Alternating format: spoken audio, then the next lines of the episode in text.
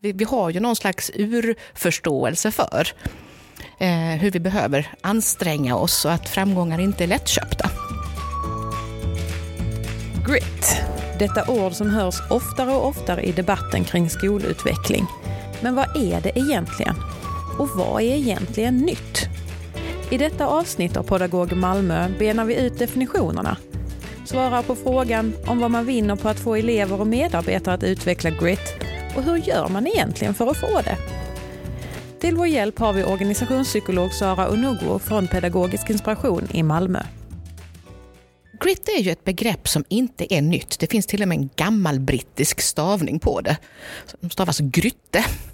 Så det här med alltså, ihärdighet, att vi håller fast, att vi kämpar på eh, är ju egentligen ingen nyhet. Vi har andra synonymer som till exempel den finska sisu. Så begreppet i sig är inte, eh, det har funnits.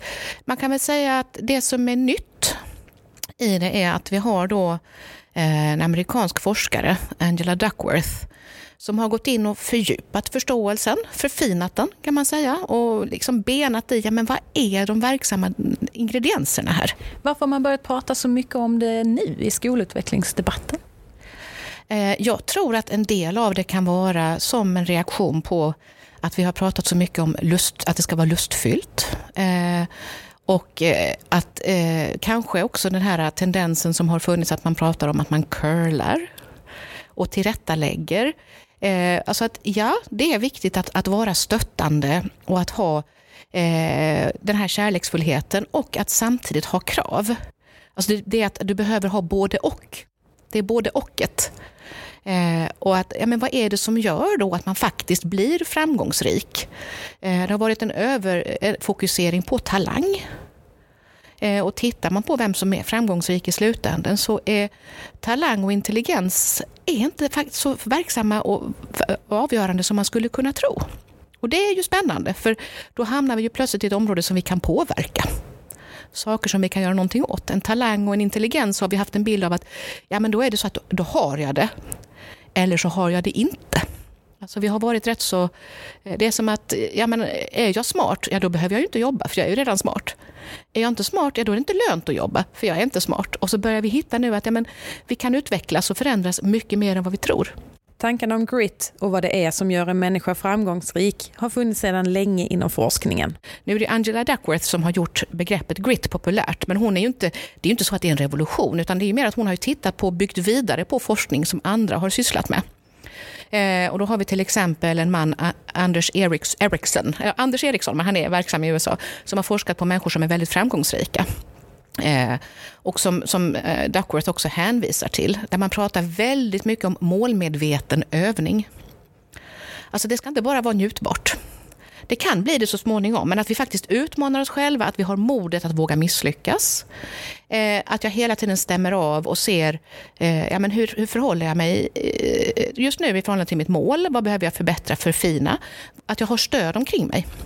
Eh, är också viktigt. men någon som kan stötta mig. Eh, Duckworth pratar om ett japanskt ordspråk eh, som, är, som säger att framgång är att falla ner åtta gånger, sju gånger och resa sig upp åtta gånger. Och då behöver jag ju ha människor omkring mig som hjälper mig att resa mig upp också. Vad ställer det för krav, tänker jag, på skolans eh, organisation?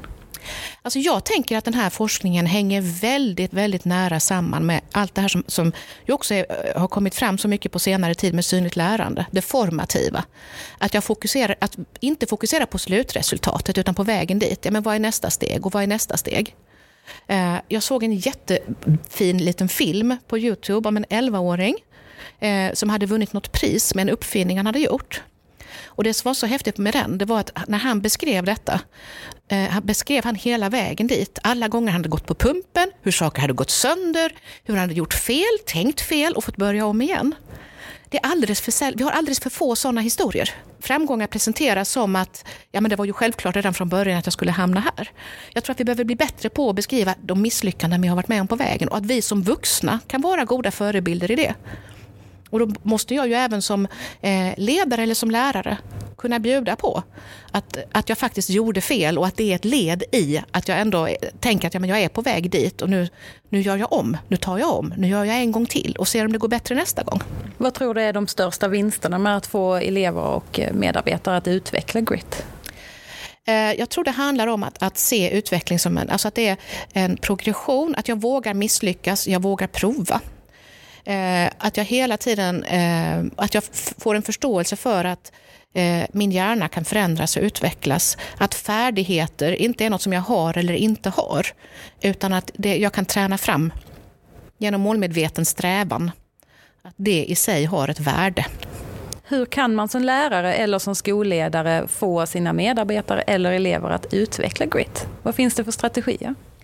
Eh, en av de främsta är ju att själv vara en förebild att jag visar att jag, alltså jag tänk, om vi tänker på vad, hur eh, Duckworth definierar grit, för att det som sagt är ett gammalt begrepp så det finns många definitioner. Det som hon har fört till som är nytt, det är att det är en passionerad uthållighet. Inte bara uthållighet, utan att det finns en passion i det.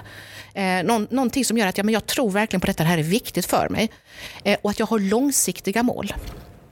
Inte byter spår hit eller dit, utan jag strävar efter det här över tid. Eh, så att om jag kan visa på, vara en förebild för att jag följer någonting helhjärtat, jag håller fast vid det över tid, så är nog det en av de starkaste sakerna jag kan göra för människor omkring mig, att vara en god förebild. Kan alla få grit? Eh, jag tänker att eh, man kan, det, kan ju, det är en förmåga att utveckla. Och precis som alla förmågor att utveckla så har jag kanske mer av benägenhet för det i mig själv från början. Beroende på hur pass mycket av optimism jag har i mig själv från början så att jag har olika lätt för det. Sen så handlar det ju naturligtvis också om vilken eh, omgivning jag befinner mig i. Jag läste någonstans att ja, men är jag den som har mest grit i rummet, då är jag i fel rum. Den tyckte jag var lite cool. Alltså att jag, ska, jag, be, jag behöver ju se över vem jag omger mig med. Och att jag har människor som kan eh, sporra mig till att utvecklas mera. Eh, för att jag förhåller mig ju till, jag kan få dragläge av att ja, men om alla andra runt omkring mig kämpar på, då kommer jag ju automatiskt att falla in i det, för så gör vi. Eh, medan om jag befinner mig i en miljö eh, där människor inte är så mål, målinriktade, då kanske jag ska fundera över, ja, men är det det här jag vill omge mig med eller behöver jag lyfta in andra människor för att jag faktiskt har någonting som jag vill sträva efter att uppnå. Mm. Vad tror du kommer hända i framtiden? Då kommer man fortsätta prata om eh, grit på samma sätt som man gör nu? Nej, det kommer säkert att fördjupas och förfinas. Eh, jag tänker att det här är ju ett avstamp eh, och sen så eh, kommer det ju byggas vidare på. Eh, tittar vi på vi nu, Duckworth, eftersom hon är ju den som har fört fram, så, så säger hon ju gång på gång i intervjuer att det här är bara början. Här är mycket som vi ännu inte vet.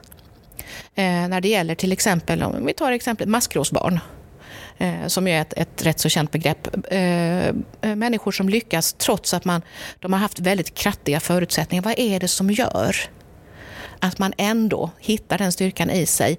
Eh, ibland man pratar om att, att, någon, att det kan finnas någon enskild nyckelperson som har varit en god förebild och ett stöd. Vad finns det för inneboende kraft hos de personerna? Hur kan vi locka fram och göra ännu mer av det? Här finns mycket kvar att göra. Eh, och så får vi väl se när vi kommer till en punkt där vi säger att ja, men nu så har vi avtäckt tillräckligt mycket av det här, nu tar vi nästa kliv. För det är ju någonstans det som är spännande. Att vi utvecklar vårt vetande utifrån, eh, alltså vi bygger vidare på det vi har och tar nästa steg. Det var allt från Pedagog Malmö denna gång. Hör gärna av dig till redaktionen med tankar och kommentarer på pedagogmalmö Jag heter Johanna Ravhed och vi hörs snart igen.